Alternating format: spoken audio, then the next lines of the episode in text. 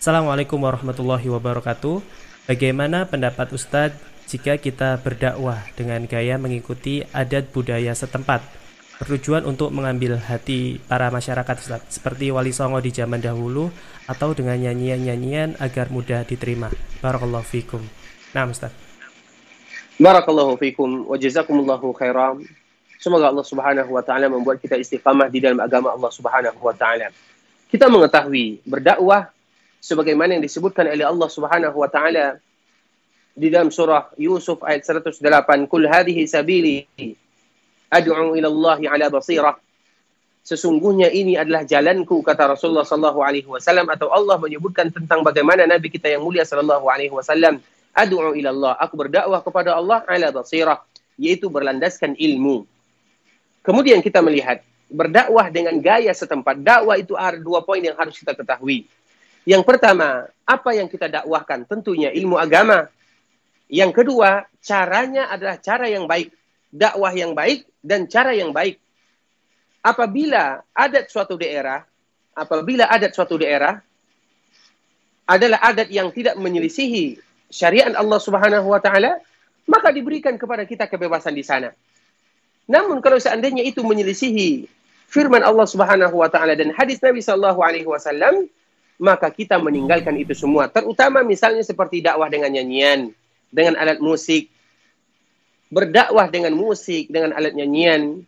Kita mengetahui musik disebutkan oleh Allah di dalam surah Luqman dan juga Nabi menyebutkan di dalam surah Bukhari atau dinukilkan di dalam Sahih Bukhari itu semua adalah sesuatu yang tidak diizinkan di dalam syariat Islam. Karena tujuan kita berdakwah adalah berdakwah kepada Allah Sedangkan masalah diterima atau tidak diterima, itu urusan yang kedua. Karena kita bagaimana supaya berdakwah kepada Allah Subhanahu wa taala dengan cara-cara yang diizinkan oleh Allah Subhanahu wa taala. Sedangkan para wali songo, kalau seandainya kita membahas ikhwatul Islam, kita contohkan Sunan Ampel misalnya. Sunan Ampel itu dia pernah mengatakan ketika mereka rapat karena Sunan Ampel ini merupakan pembesar di antara para sunan yang ada karena pada saat itu Maulana Malik Ibrahim dia sudah meninggal dan dia merupakan merupakan sunan yang pertama atau kalau bahasa kitanya wali yang pertama kemudian dia meninggal maka di antara salah satu muridnya adalah Sunan Ampel. Dan Sunan Ampel ini dia yang mengetuai seluruh sunan-sunan yang lainnya. Kemudian mereka berdialog berdialog dan banyak dialog-dialog yang mereka lakukan dan bisa kita lihat dan bisa kita cek. Ada sebahagian di antara mereka yang mengatakan kita berdakwah seperti ini dan akan datang seorang orang setelah kita yang akan menyempurnakan dakwah kita tersebut atau yang akan merubahnya.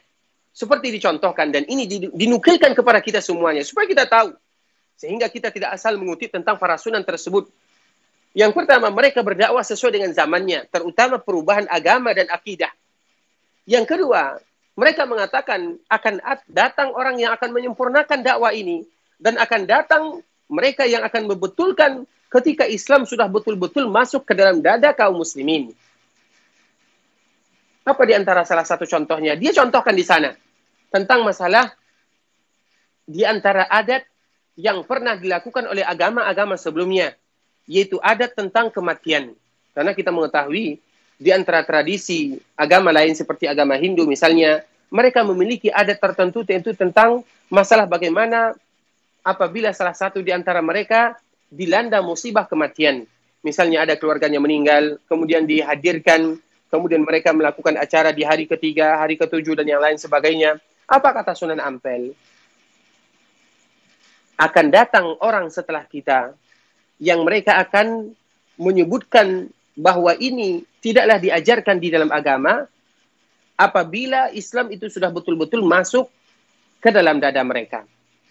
Dan kita mengetahui, Alhamdulillah Islam sudah berada di daerah kita sudah sudah sejak lama bahkan masuknya Islam di daerah kita mulai abad pertama Hijriah atau abad kedua Hijriah. Di zaman Muawiyah bin Abi Sufyan radhiyallahu taala anhu, bahkan di dalam riwayat yang lain disebutkan di zaman Umar bin Khattab radhiyallahu taala anhu.